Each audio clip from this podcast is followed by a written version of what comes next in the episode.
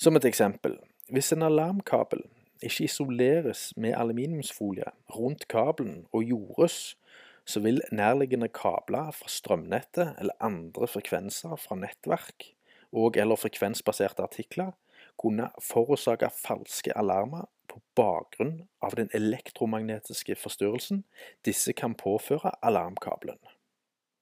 Dette er parametere som kan måles med instrument. Høyfrekvente eller lavfrekvente instrument. Og det som måles, denne forstyrrelsen og påvirkninga som du får på en alarmkabel, som jeg gir i dette eksempelet, det vil òg være likt for oss mennesker og dyr.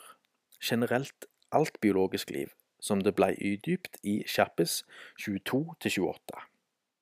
Og I disse foregående så ble det gitt en utdypende forklaring på hvorfor disse usynlige frekvensene påvirker oss mennesker og dyr. Og Jeg vil nå gå inn på flere konkrete eksperiment og studier som igjen påviser dette forholdet.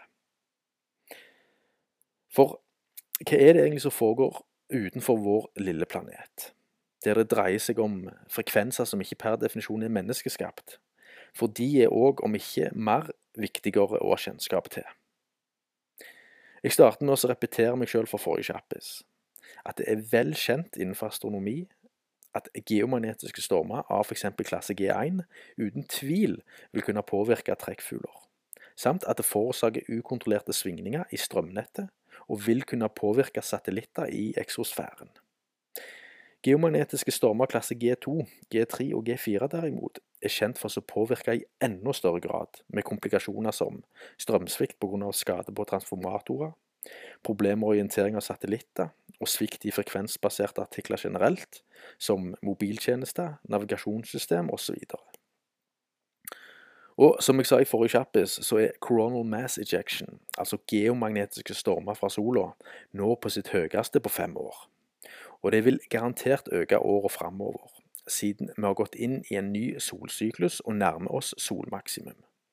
Og denne solmaksimumen vil sannsynligvis være drøyere enn det har blitt observert på lang, lang, lang tid. Og antatte solflekker på sola har faktisk overgått spådd langtidsvarsel i hele 15 måneder på rad. F.eks. i desember i fjor så var det dobbelt så høyt antall solflekker enn det som var antatt. Og i 2020 så var det ni dager totalt med G1 geomagnetiske stormer. Og dette antallet det økte drastisk i fjor med hele 25 dager. Og den største av disse var G4-stormen 4.11. i fjor.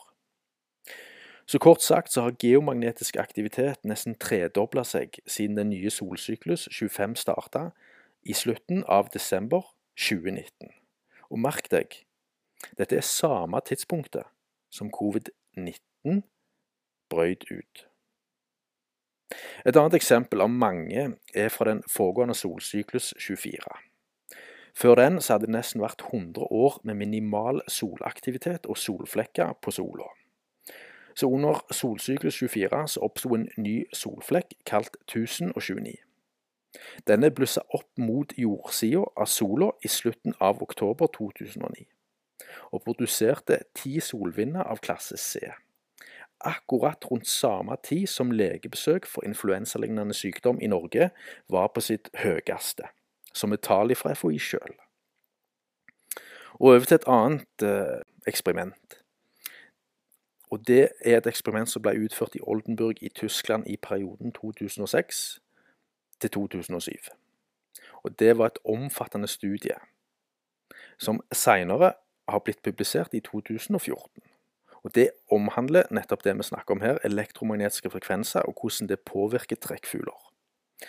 Og I dette studiet ble rødstruper brukt, og det ble observert at de mista sin evne til å orientere seg mot nord om våren, og mot sørvest om høsten i forbindelse med trekktida.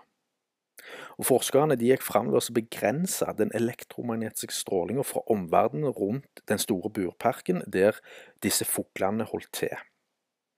Og Det ble utført ved å plassere aluminiumsblader rundt hele burparken, som deretter ble jorda for å unngå inntrengning fra lavfrekvent stråling som kommer fra f.eks. høyspentmaster, trafostasjoner og generelt strømnettet. Når dette Faraday-caget, som det nå kan kalles, ble jorda, så ble det observert at fuglene mista sin evne til å orientere seg igjen. Nei, unnskyld, at de, de fikk evnen sin tilbake. De kunne orientere seg igjen. Og eneste mulige forklaringen på det såkalte fenomenet er at når jording tilføres aluminiumsbladene i dette eksperimentet her, rundt denne burparken, så trenger heller ikke lavfrekvent stråling under 20 MHz inn og forstyrre det biologiske navigasjonssystemet som er integrert i fuglene. Et annet praktisk studie var utført av viltbiologen Alfonso Balmori Martins. Jeg håper jeg ikke drepte den. Og Det ble utført i Spania i 2009. Og Der ble rumpetroll isolert i små beholdere 140 meter fra fire mobilbasestasjoner, som vi alle har rundt oss, mer eller mindre.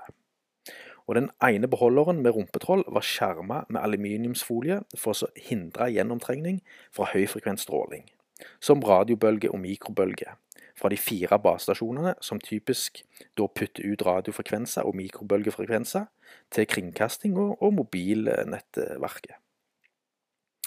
Den andre beholderen med rumpetroll den var uskjerma, så den var fullstendig eksponert for alle forstyrrelser fra omverdenen. Og spesielt basestasjonene enn 140 meter lenger borte i gata. Og over en periode på tolv måneder så viser det seg at dødeligheten hos rumpetroller som var skjerma med aluminiumsfolie, var på kun 4% Mens i den eksponerte beholderen var dødeligheten hele 90% Og den eneste variabelen mellom de to beholderne med rumpetroll, det var eksponeringa av elektromagnetiske frekvenser fra mobilbasestasjonen noen meter lenger borte. Revidering av litteratur spesifisert mot radiomerking av dyr ble publisert i 2003. Og Det var 836 vitenskapelige studier totalt, hvorav alle studiene brukte radiomerking på dyr som et hjelpemiddel til forskning.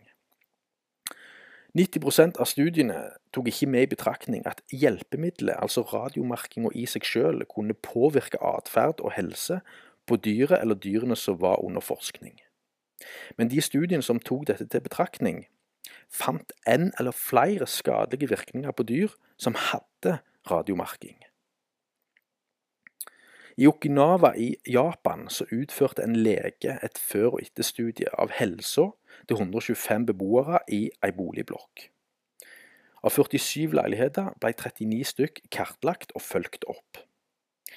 Boligblokka hadde flere mobilmaster sentrert på taket som hadde vært i kontinuerlig drift i en årrekke.